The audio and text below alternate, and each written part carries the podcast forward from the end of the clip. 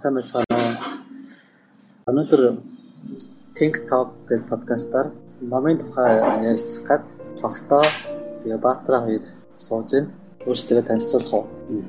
За намайг Баатар Чулуун гэдэг IT-ийн чиглэлээр ажилладаг. Аа сайн байцгаана уу? Намайг Завт Эдэн гэдэг. А мөн бас мэдээллийн технологийн инженер мэрэгчлээ. Ном унших сонирхолтой нэгэн байгаамаа. За тэгэхээр бид хоёрын подкастыг яг ямар зорилгоор яаж хийж байгаа вэ гэдэг талаар бас мэдээлэл өгье. За юун төрөнд энэ подкаст маань бол ямар нэгэн ном сонгож аваад номоо эхлээд яг бүх ингээ яг нэг бүрчлэн ерөнхийдөө уншаад явна. Хэсэг хэсгээр нь ингээ дугаар болгоод оруулаад явах юм. Аа тэгээд сүүлийнхэн хэсгээр бол уншсныхаа дараа бол уншсан хэсэгтэйгээ холбоотой чөмж мөн Монголын нөхцөл байдал дээр одоо бас яаж бууж ирж байгаа эсвэл нэмэлт тайлбар ч юм уу. Иймэрхүү бас жижигхэн юм яриа хийгээ явах. Тэгш боломж их чөлөө аханд үсэх байдал хамтын амьдралд хангацсан хэсэгт эвэлдсэн эргэлзээнүүд бодсон бодлуудын чөлөөт уусгал Talk podcast. Тэр өнөөдрийн сонгож авсан одоо эхний ном бол Эрих Фромын би эсвэл байх гэсэн нэртэй ном байгаа. Тэгэхээр уг нь энэ номыг бол Эрдэнэ доктор за 2009 онд орчуулж гаргаж ирсэн. За энэс хойш бол бас 2 3 чиглэл дахин хэвлэгдсэн байгаа. За тэгээд энэ номыг бол бас бид хоёр өөрсдийнхөө шүүлтүүрээр бас нэлээд чухал ном гэж сонгож авсан байгаа. Тэгэхээр энэ номоо одоо ингээ уншиж эхний ээлжинд бол аа нэг нэг бүлгийг ингээд тэгэхээр уншаад тэгээ араас нь жижигхэн яриа хийж явах юм. За за өнөөдрөөс өдөө юу байгаа даа захтаа. Өөрөөс сэдв болохоор би ба байх хоёрын одоо ялгааг ойлгохтой холбоотойгоо одоо хэлний анализ байгаа информи өнөөдөр 4-5 удаа уншаад уншсан сэдвтэй холбоотойгоо задлж буюу тэргүүж ярилцсанаа. За ингээд уншиж эхлэе. Нэгдүгээр хэсгийн нэр бол би ба байх хоёрын ялгааг ойлгох гэсэн хэсэг байгаа. За энэ дотроо бол одоо нэгдүгээр бүлэг хэсэг дотроо хэд хэдэн бүлэгтэй. Тэгээ эхний бүлэг нь бол эхлээд харахад гэдэг бүлэг байна. За тэгээд дэд гарчих нь би ба байх хоёрын ялгааны утга. За ингээд уншиж эхлэе. Би эсвэл байх хоёрын альтернативүүд эрүүл хүний ойлголцод буухгүй. Би гэдэг бидэнд тусснараа амьдралд хамгийн энгийн. Бидэнд амьдрахад юмсууд бий. Энэ юмсууд бидэнд бий тул бид түүгээрээ баясдаг.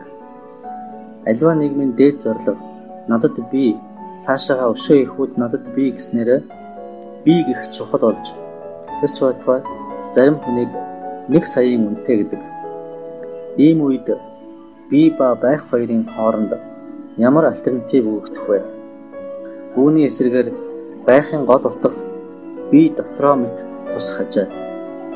Тэгснээр хэн надад би гэж хэлж чадахгүй вэ? Тэр хүн хэн байж чадахгүй мэт.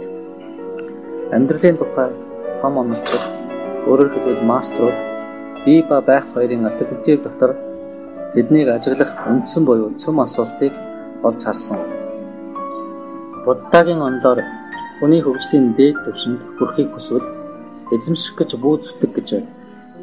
Иесусийн хэлснээр хэн амиа аврахыг хүснэ тэр хүн амиа алдна. Хэн миний төлөө амиа алдна тэр түүнийг аварна. Тэгэхээр хүнд юу хэрэгтэй вэ? Хүн өөрийгөө алдаж бас зовлонд учирснаар бүхэл дэлхийг хожих уу? Мастер Экхарт юу гэж сургаад альцсан бэ гэхээр юу ч битгий эзэмш. Өөрийгөө нээ. Өөрийгөө хоосол. Тэгснээрээ би гэдгээ өөрөө өөртөө бүүц бүү саат хэлэг. Тэгсэн цагт хүн оюунаараа баяжиж бас оюуны хүчтэй болно. Марксийн сургаснаар Зуксус буюу тансаглал бас л ядууралтай адил бас нэгэн хүний садаа. Тиймээс хүний зориг хэн байх таа чухал болохоос юу бий вэ гэх чухал. Энд би ард жинхэнэ радикал хуманист Марксыг татсан болохоос болохоос биш зөвлөлтийн коммунизмын хэлмэгдүүлсэн Марксыг иш татаагүй. Дээрх хоёр ялгаанууд олон жилийн өмнөөс миний сэтгэлийг хөдөлгсөн. Дээрхийг судлахдаа би эмпирийн судалгаа дээр үндэслэж психоанализийн методуудаар нэг хүрчилсэн. Бас группээр тохиомж судалгаагаа явуулсан. Би юу болсон бэ гэхээр өөрөөр хэлбэл би ямар дүгнэлтэнд хүрсэн бэ гэхээр миний энэ ялгаж буй ялгаанууд амьдрахад дурлах дурлал бас өгөхөд дурлах дурлал хоёрын ялгаатай адил хүний экзистенцийн тухай шийдвэрлэх асуудал ажээ.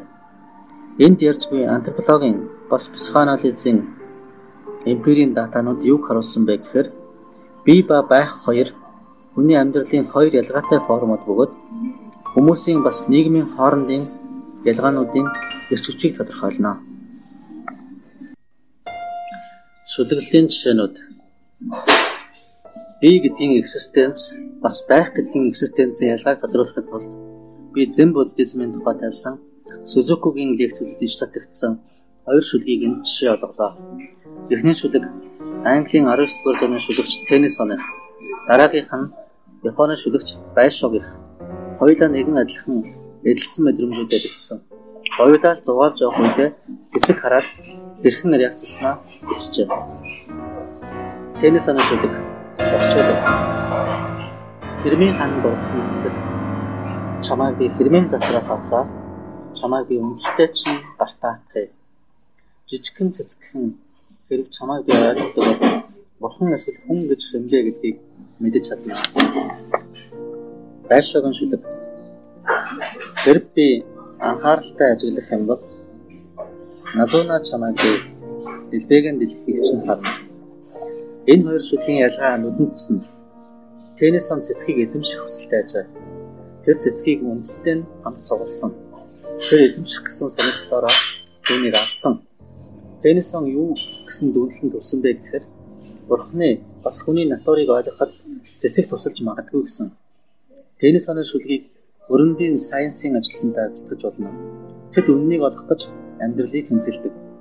Байшаагийн цэцгэнд реакцсан реакцдаг тэс ондоо Тэр цэцгийг таслахыг хүсээгүй.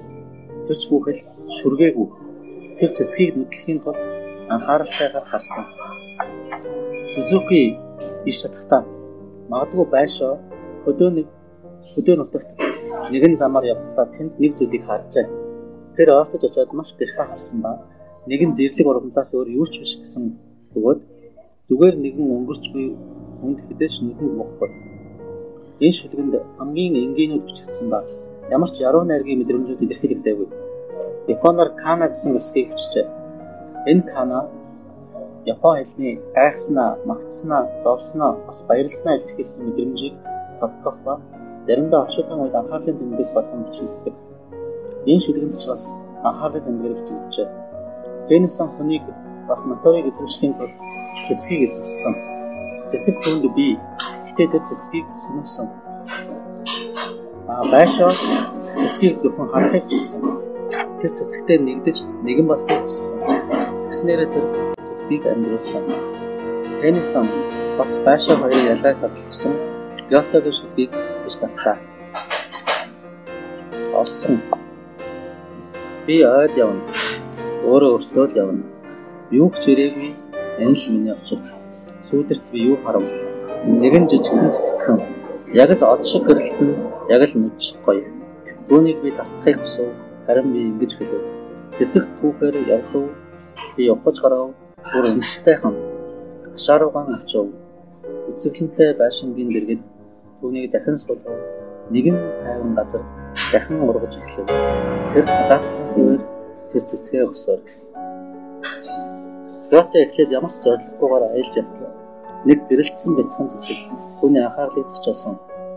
Эхлээд тэр шүлгэндээ хэрхэн илэрхийлсэн бэ гэхлээр яг л тэнэс ашиг сэтгэл хөдлөж цэцгийг таслаж авах гэсэн. Харин тэр тэнэс санаас өөрөөр ухаарсан. Юу вэ гэхээр цэцгийг тасалснаа цэцэг өхөн шүү дээ гэж. Цэцэг түүнийхээр яг л түүнтэй ярьж буй мэт бас өөрийг анхааруулж буй мэт амьд харагджээ. Гёте тохиолдсон проблемыг тэнэсэн бас байшаагаас өөрөө тайлсан тэр цэцгийг ухаж авсан ба харин түүнийг цааш тарж ургуулсан. Тэгснээрээ цэцэг цаашаа амьдрна. Нэг үгээр хэлэхэд Гёте, Байшо, Теннисон хоёрын дунд буй бөгөөд харин шийдвэрлэх мөсөд түүнийг амьдруулах гэсэн хайр интеллигенттэй сонирхлоос илүү хүчтэйгээр илэрсэн. Энэ сайхан шүлэг Гётегийн натурыг шинжлэхэн шинжлэх гэсэн үндсэн хандлагыг тусаач. Теннисоны цэцэг рүү хартсан харьцаа эзэмших гэсэн бас авах гэсэн хүсэлээр тогтсон.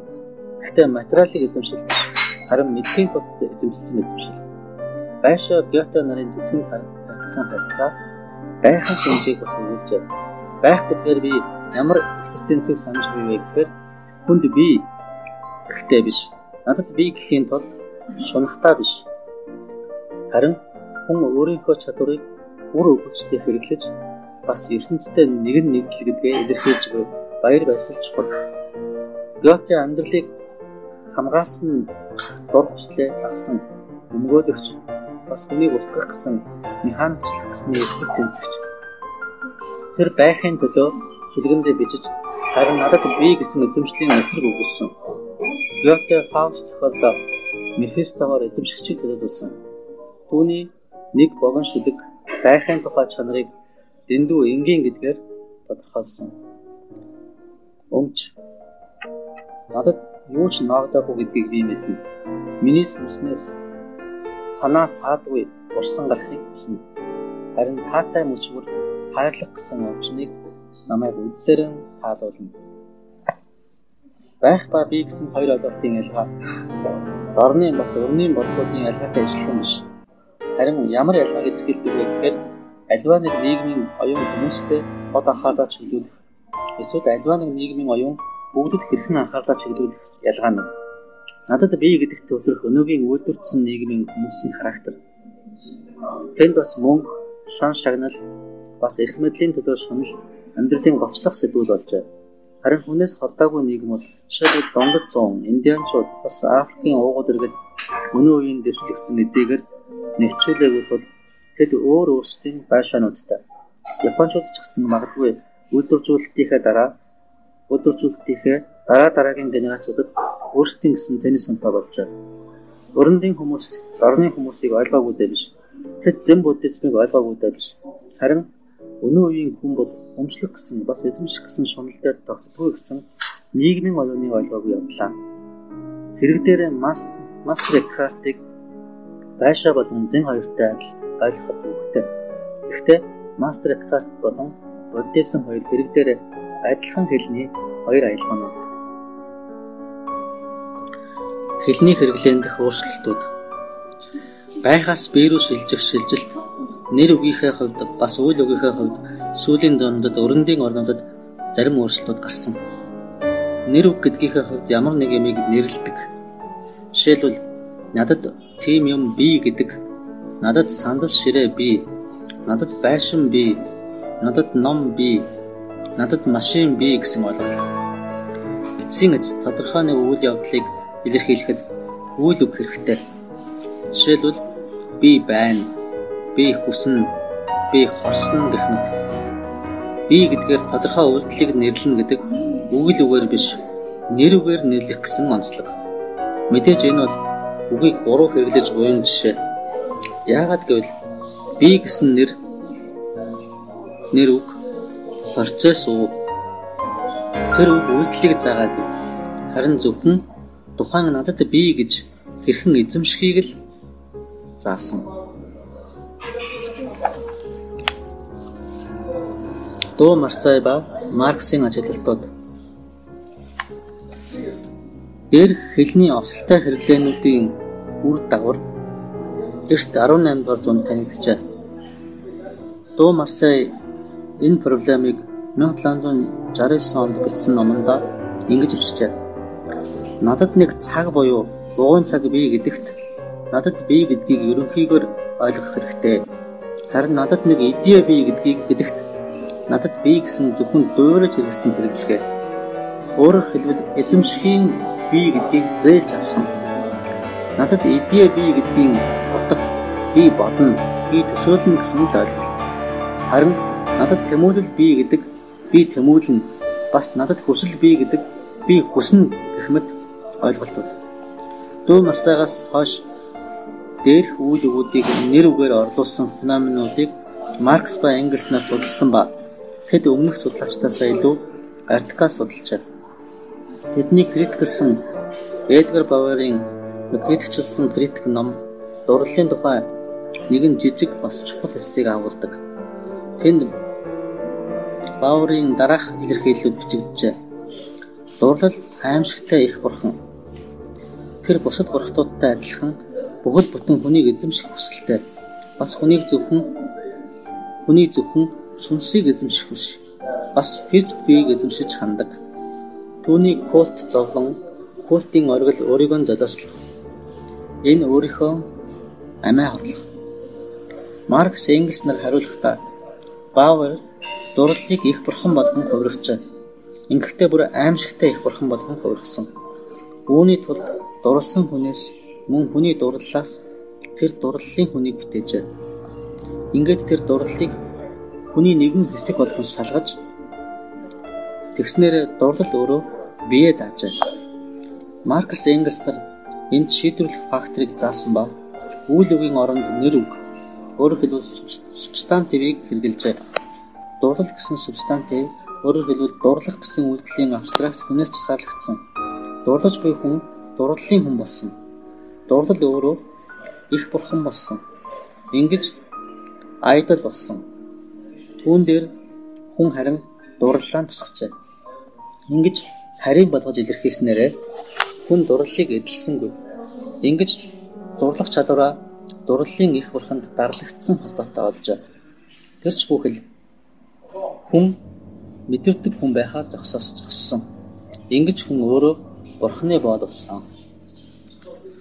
Өнөөгийн хэлний хэрэглэгээ Дуу Марсагийн амьдарснаас хойш 200 жилийн хугацаанд үйл өгүүдийг субстантивээр орлуулах тенденц Дуу Марсаг төсөөлхийн аргагүйгээр ихссэн. Өнөөдрийн хэлний хэрэглгээнд хэрхэн өөрчлөлт гарсан ба гарсан бас нэлээд дэндүүлсэн жишээг харцгаая. Жишээлбэл нэгэн эмэгтэй психаар хадгалагчтай ингэж яриагаа эхэлнэ. Эмчээ надад нэг проблем бий. Эсвэл би нэг проблемтай. Нэлээд олон жилийн өмнө өвчтөн надад нэг проблем бий гэдгээс гараа өөрөөр хэлэх магадaltaй. Би зовж байна. Өнөө үеийн хэлний онцлогуд өнөөдөр хүмүүс хэрхэн бие биенээсээ хөндөрч буй баталгаа. Хэрэг би ингэж хэлвэл би зовж байна гэхээ оронд би нэг проблемтай эсвэл надад проблем бий гэвэл миний өөрийгөө субъект субъектлан үзсэн үзлүүд хасагдана. Би гэсэн биеэр эдэлж буй туршлага надад проблем бий гэсэн нэгнэр орлогдсон. Би өөрөө өөрийнхөө сэтгэлийг нэг юу болгон хувиргасан ба тэр надад би өөрөөр хэлбэл миний эзэмшиж буй проблем. Проблем гэдэг бүхий л төрлийн хүндрэлүүдийг илэрхийлсэн абстракт илэрхийлэл. Тэр надад бий гэх боломжгүй. Ягд гэвэл тэр нэг юм биш. Тиймээс би тэр юм юм бишийг эзэмшихгүй. Харин ч тэр намайг эзэмшиж магадгүй. Яг утгачлан хэлбэл би өөрөө нэгэн проблем болох хүрчээ. Ингиж намайг бүтээгч эзэмшилдэ авчаа. Иймэрхүүгээр ярих төрлүүдийг ажихад хэрхэн ухаарлгүйгээр хүмүүсийн далдлагдж буй хөндөрл илэрнэ.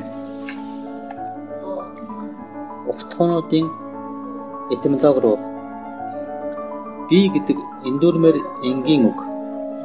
Хүн бүртэл нэг юу бий. Түүнд би бий.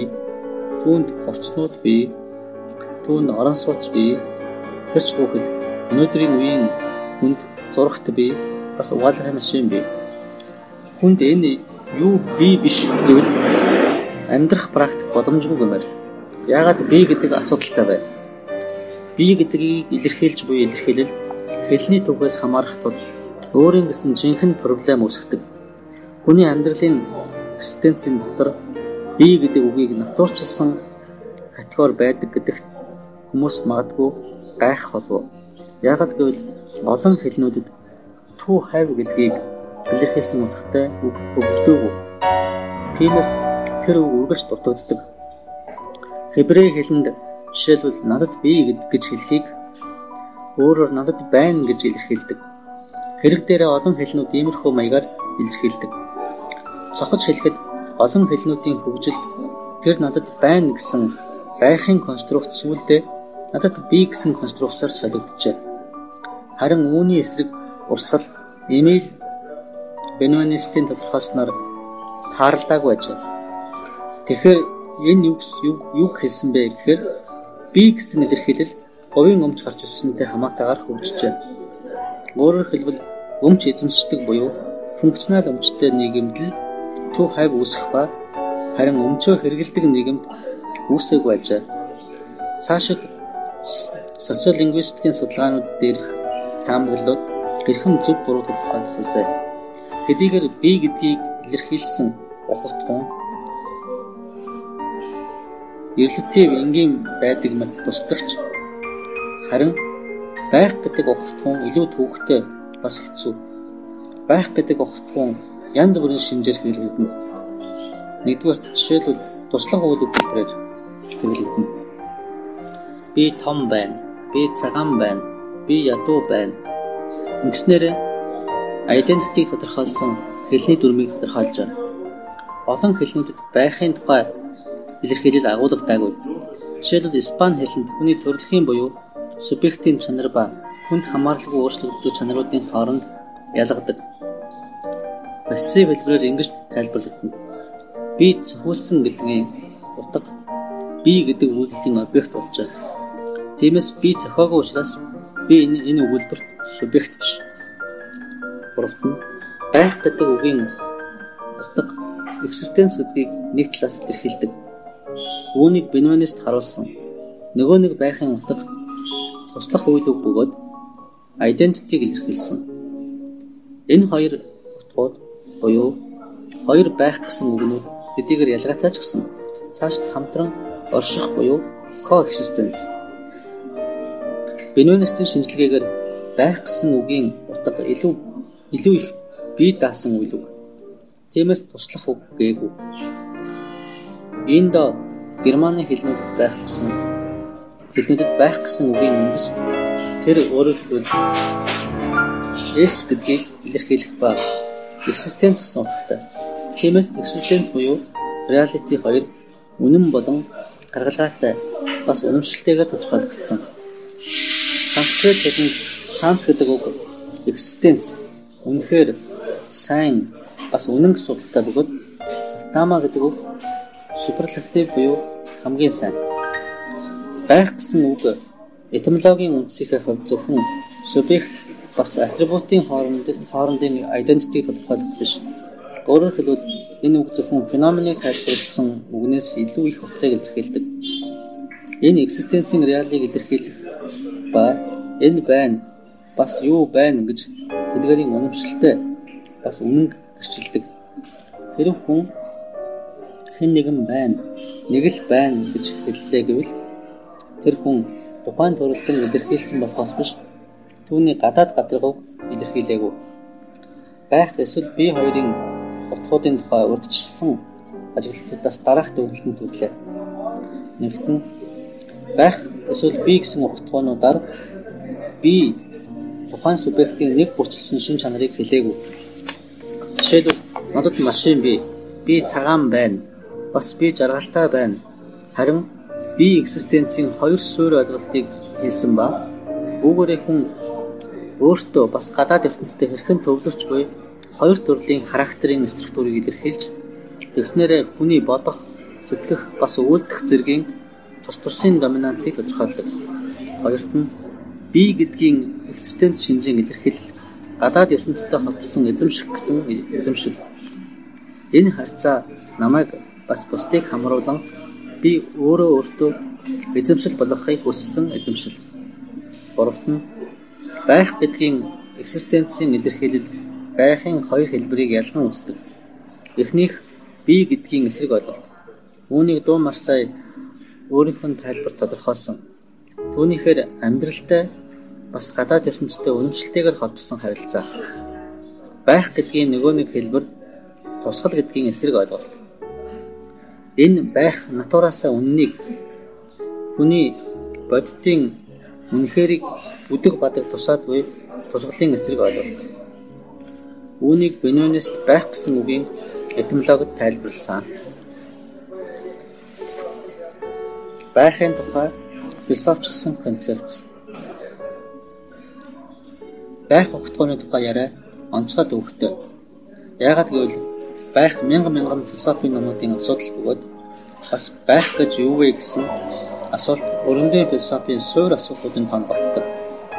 Хэдийгээр энд байхын тухай огтхон антропологийн бас психологийн талаас ядаж буйч түүний тухай философийн ярилцлага антропологийн асуудлыг оролцуулахгүйгээр яригдахгүй. Байхын тухай огтхооны хөгжлийг энд ярих гэвэл Сократийн өмнөх философоос ахуулаад өнөө үеийн философи хүртэл ярих боломжгүй тул би энд зөвхөн шийдвэрлэх нэг асуудлыг хөндөв. Болох актив бас хөдөлгөөн зэрэг байхын элементүүд. Георг Симмелийн хэлснээр байх өөрчлөлтийг дотроо агуулдаг. Энэ юу гэсэн үг вэ гэвэл байх болохтой адилхан утгатай. Түүнтэй адил өрөндийн философийн нэрд гарсан болон компромиссгүй тэмцэгчд анх Хераклит харин оргил хэсэгтээ Хегел Парменид Платон бас Сколастикийн үеийн реалистууд байхыг хөдөлшгүй, уцаагүй бас өөрчлөгдөшгүй субстанц гэснээр болохын эсрэг илэрхийлсэн. Энэ идеалист төсөөллөөр өөрийн гэсэн учиртай ба яагаад гэвэл хүний санаа буюу идея эцсийн эцэст реал. Хэрвээ Платоны хэлснээр хайр гэсэн идея хайрлахыг эдлэхээс илүү реал гэвэл хайр гэсэн идея хөдөлшгүй бас өөрчлөгдөшгүй. Хэрэг бид амьдарч буй хүмүүсийн реалити бас тэдний хайр дурлал, үзен адил, зовлон зүдгүүрийн тухай яриул тэнд байх болохтой болон өөрчлөгдөхтэй зэрэгцэн өгөгдөхгүй. Амьд структурууд болдог тул байна. Бас өөрчлөгддөг тул экзистенцэлдэг буюу оршдог. Өсөлт бас өөрчлөлт гэсэн чанарууд амьдралын процессууд. Бие ба консум Хоёр экзистенц шинжүүдийн ялгааг тодруулах хэд хэдэн энгийн жишээнүүдийг авч ярилцахын өмнө бид бие гэсэн утгыг утганы илэрх бас нэг илрэл болох өөртөө шингээх гэсэн ойлголтыг дурдъя. Өөртөө шингээх гэсэн ойлголт жишээлбэл идэж уух үеийн өөртөө өөртөө эзэмших гэсэн архигийн формоор хэрэглэж иржээ. Нялх хүүхд ч гэсэн өсөж буй хөгжлийнхээ үеийн тодорхой фазад авах гэснээ буюу эзэмших гэснээ шууд л амрууга хийдэг. Хэдийгээр нялх хүүхдийн биеийн хөгжил түүний өөртөө эзэмшлийн нэг төрөл хөдөлгөөч тэр өөрийнхөө өмчийг өөр шинжээр хянах гэсэн орлого. Каннибализмын олон формууд дотор бид өөртөө шингээх болон эзэмших хоёр дэрэгтэй адил харилцан холбоотой явагддаг. Хэн нэгэн хүн өөр нэг хүнийг эдэн гэдэг түүний хүч чадлыг өөртөө шингээд өөрөөр хэлбэл түүний чадварыг эзэмшнэ гэсэн үг. Каннибализм гэдэг ингэж бусдыг боошчихтай адил эд шидийн эквивалент болдог. Маш их зориг зүрхтэй эрийн зүрхий гэдвэл түүнтэй адил зоригтой болно гэсэн ойлголт бий. Түүнчлэн бэлэг дэмбэрэлтэй буюу бурхны эд шидтэй амьтныг ургамлыг идвэл жишээлбэл чоныг алж түүний эрхтнүүдийг идэнэ гэдэг бас л нэг хиймэртэй олох гэсэн бодлого. Ихэнх объектуудын объектуудыг хүн мэдээж физикийн замаар өөртөө шингээж чадахгүй. Заримыг нь буцаагаад боловсруулах хэрэгтнээс шингээхгүйгээр гаргачихдаг шүү дээ. Мэдээж үүний цаана өөртөө шингээх гэсэн символын буюу бэлэг дэмбэрэлтэй мөн маги буюу эд шидийн ойлголтуудтай. Тэр би өөртөө бурхны аавынхаа эсвэл амьтны дүр зургийг шингэн гэвэл тэр зургалсан төсөөллийг хинч надаас булааж чадахгүй. Бас тэр зургал миний биеэс өөрөө боловсродоод гараад явчихгүй. Тэр би нэг объектыг символчлон залгилаа гэвэл би түүний символчилсан үргэлж үргэлжийн одоод үнэмшин. Иймэрхүү шинжээр Зигмунд Фройд жишээлбэл дээд бие буюу дээгүр бие гэсэн ойлголтыг гаргаж ирсэн. Энэ бүхэл хорионууд бас зөвшөөрлүүдийн интрожекцийн нийлбэр үүнтэй ижил шинжээр хэн нэг авторитет институт эдээ бас зураглал интерактив буюу идеал болдог. Надад тэр бүгд бий. Өөрөөр хэлбэл тэр бүгдээрээ хэзээ ч миний биед буюу махан биед тэгдэж явна. Өөртөө шингээх гэсэн ойлголтын бусад олон формод өгөгдсөн ба тэдгэрийг заавал физиологийн шаардлагатай холбохгүй бөгөөд тиймээс хязгаарлагдмал хэд их худалдан авах гэсэн өөрөөр хэлбэл консумын үүсэл бүхэл ертөнцийг залгах хүсэл тогтдог. Консум хүн үргэлж үргэлжил сүүний шилээс шаардсан нэлэх хүүхдтэй адил. Ингэж патологийн феноменууд архинд орох буюу алкоголизм мөн харт амьтны донтолт болдог. Энэ жишээнүүдийг бид юугаар буруутгадаг вэ гэхээр зөвхөн л тухайн өртсөн хүн нийгмийн ажил үүргээ умартсан үед л буруутгадаг. Гэтэл ихэд тамхичин хүмүүсийг тэдэнтэй адилхан буруутгадаг. Энэ хэдийгээр донч гэсэн тухайн хүнийг нийгмийн ажил үүргээс халдуулахгүй харин зөвхөн л гэмээр түүний амьдралыг богиносгодог. Нэгэнд би олон янзын формоор түрүү түрүүчийн бичсэн бичлэгүүдтэй өдөр тутмын консумлох дурын тухай бичсэн тул энд нэмж татсангүй. Харин юг нэмэх вэ гэхээр чөлөөт цагаа өнгөрөхтэй хамаатай машинаар дахих, зурагт харах, дугаалгаар явах, бас сексээр хөөцөлдөх өнөө үеийн худалдааны дуруудын ол объектууд болжээ. Энэ бүхний хэдийгээр чөлөөт цагаа идэвхтэй буюу актив өнгөрүүлэх гэж нэрлэдэг хэдий ч оновчтойгоор хэлбэл чөлөөт цагаа идэвхгүйгээр өөрөөр хэлбэл ойргоор өнгөрүүлэх. Ингээд бүгдээрээ дүгнцгээе. Консум буюу өнөө үеийн өөртөө хөдөлтөн авах гэсэн ойлголт надад бий гэсний нэг хэлбэр. Магадгүй өнөөдөр энэ үг нийгэм хэтэрхий илүүдэл бараагаар дүүрсэн тул нэрлэж буй. Консум гэдэг хоёр утгыг агуулдаг. Нэгдүгээр надад консумлсан буюу худалдан авсан зүйлийг бусад авчихгүй тул айх багасдаг. Гэхдээ хоёрдугаарт хүн үргэлжил өөртөө шинээр бий болгохгүй. Гэвэл надад биенүүд намайг хэзээ нэгэн цагт хангахаа байлна. Тэгэхээр өнөө үеийн хэд худалдан авагчдыг юу гэж нэрлэх вэ гэхээр надад юу бий вэ? Болон би юу консумчлсан бэ гэдгээрээ би байна. За ингээд уншаад дуусчлаа. Тэгээд одоо энэ уншсан зүйлийг хадаалаар жоохон задлж ярих гэж. За энэ би болон байх хоёрын гол гол ялгааг яг юу гэж бодож байна. Одоо одоо энгийн үгээр үү те. Бас харсан гоос хүнд энэ нэг философи ном учраас нэлээд хүнд явж байгаа. Тэгэхээр энийг бол илүү одоо уншиж сонсогчдод бол ойлгомжтой болох үүднээс арай жоохон задлж яг бол тайлбарлал. Тий сая одоо эхний нэгдүгээр бүлгийн одоо уншихаар Теннисон, Байшаа, Гёте гэсэн гурван одоо шүлэгч нарын шүлэгч одоо явна агч нарын шүлгээр одоо би болоо одоо байхын гол ялгааг юм хэд бол маш тод том хаалчлаа. Аа.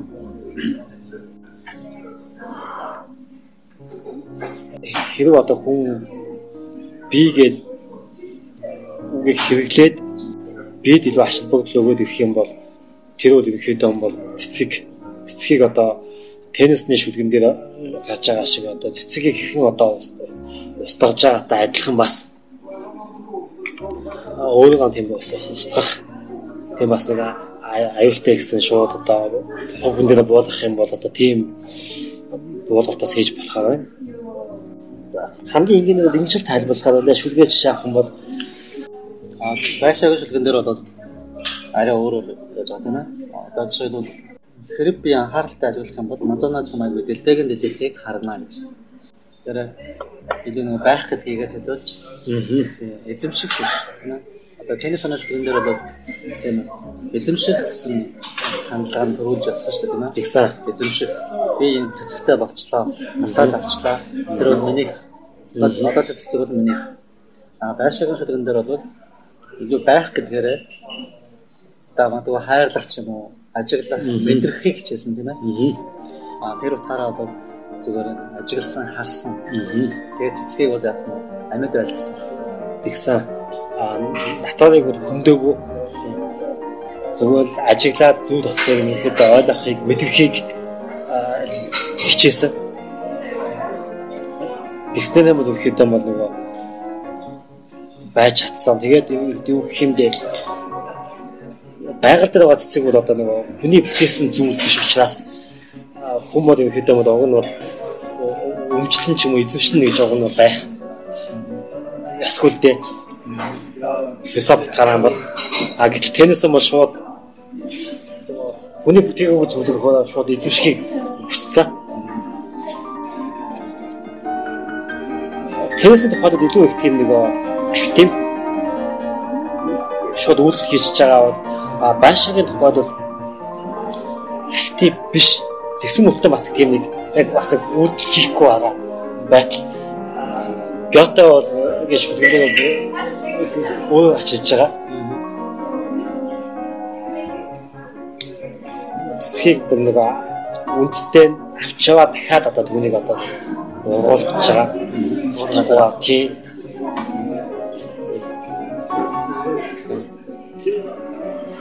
Тэгээд ерөнхийдөө бол нэг Аз Англи Европ гэх гурван одоо газрын одоо нэг бас нэг ялгаа харагдаад байна л да. Англи саксон гэж байгаа нь одоо теннисэд нэг тухайд бол германы тухайд одоо бас тэгэхээр адилхан яваад тавьсан хоорондоо шууд ингээд философи усгаж чиглэлээр ингээд ялгахж байгаа. Их газрын бол их газрын бос философи гэх юм уу да. Ингээ хоёр хуваагдчихж байгаа. Азийн бол тусдаа ингээ Аз гэдэг юм. Тэр нь бас ингээд би бол байх гэдэг нь ялгаанууд нь бас ингээ харагдчихэв. За эхний хэсгээр бол шүлэг ингээд шүлгээр бол ингээд би болон байх гэдэг үг нь нэлээд ойлголтын талаас нь ялгаж одоо хийсэн. За яг хэлний хэлний талаас бол аа би гэдэг үг бол за англи хэлний to have гэсэн үгтэй юм дүүсэж байгаа. Өөрөөр хэлбэл би гэдэг үгийг одоо нэгсэндээ to have гэдэг үгийг бол би гэдэг үгээр буулгасан байна. А нөгөө талдаа бол байх гэдэг үг бол англи хэлний to be ер нь being гэдэг үг байгаа. Тэгэхээр зүгээр монгол хэлний одоо тийм байна, юм байна. Би арай илүү одоо бид нар сул уг маягаар хэрэгэлдэг. Энийг одоо бас байх гэдэг юм том агуулга дээр авчихсан тийм ээ. Үгийг одоо.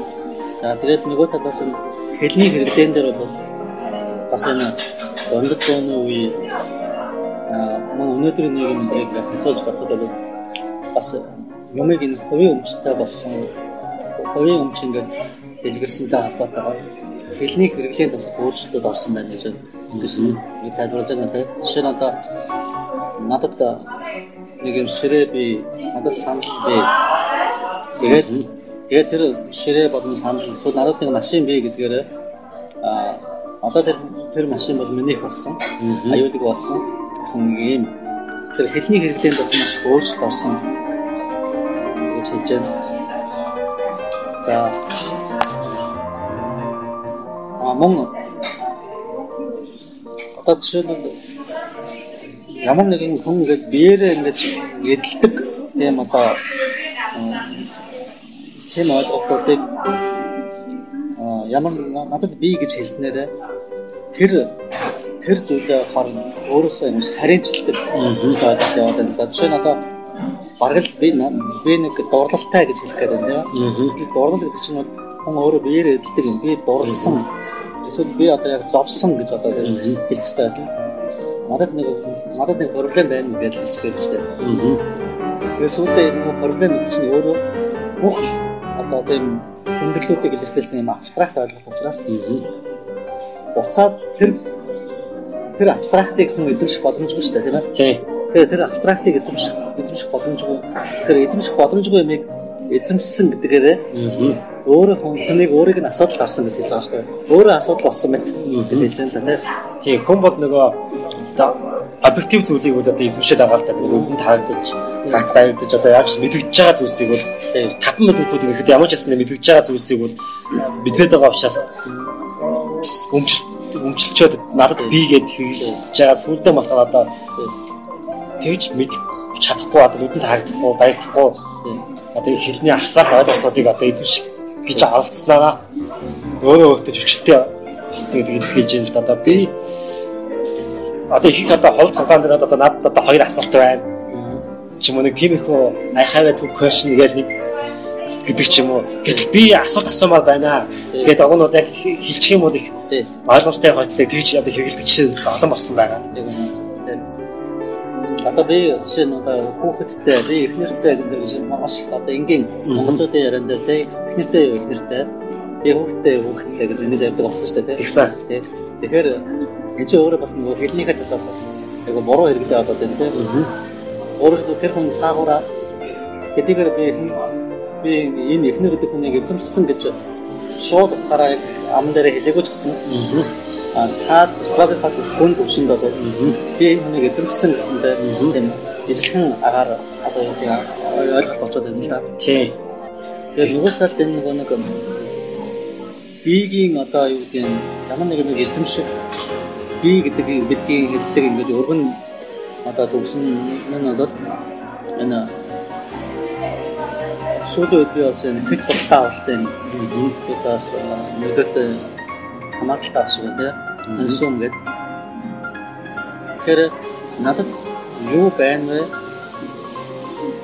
А тэрүүгээрээ одоо би өөрөө одоо тодорхойлох тийм цаад нэг юм хандлага яваад шүү дээ тийм. Юу бивэ гэдгээрээ бивэ юу бивэ гэдгээрээ одоо би би хэмбэ гэдгийг тодорхойлж байгаа юм тийм. тий.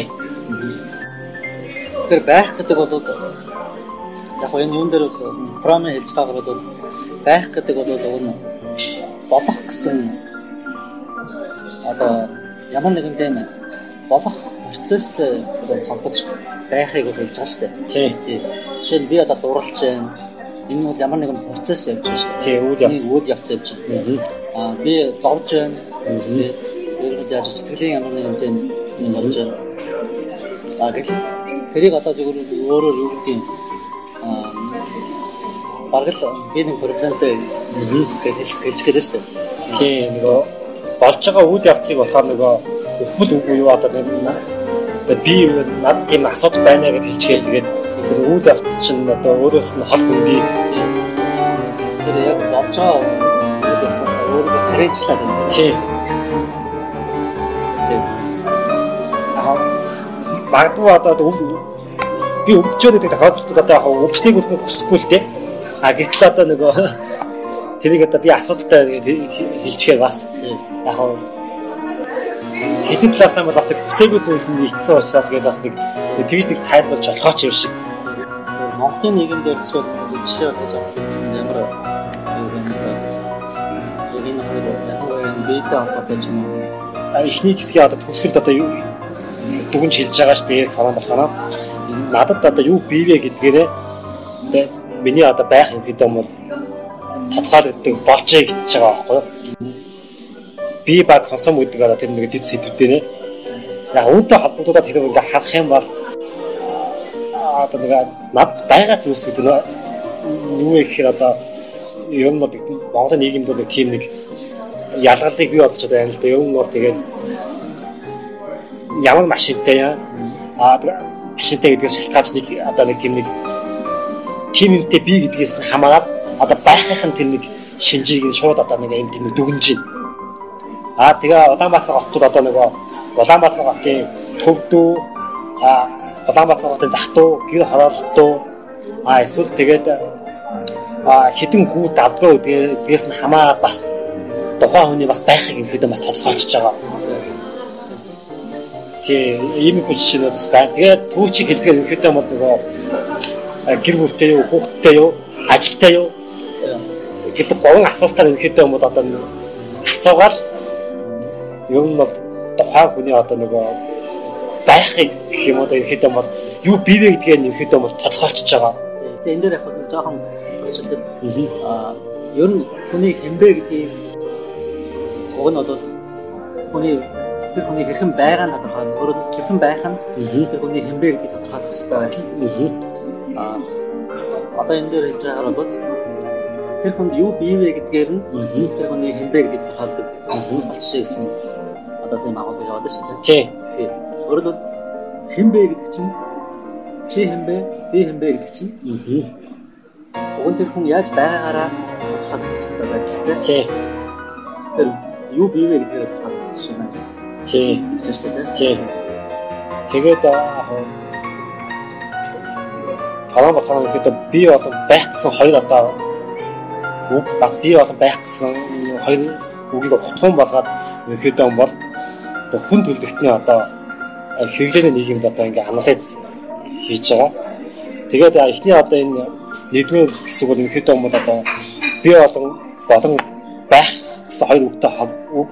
Одоо хэлний хэрэглээнд хэрхэн одоо туссан бэ гэдгийг ихэд анализ хийж байгаа.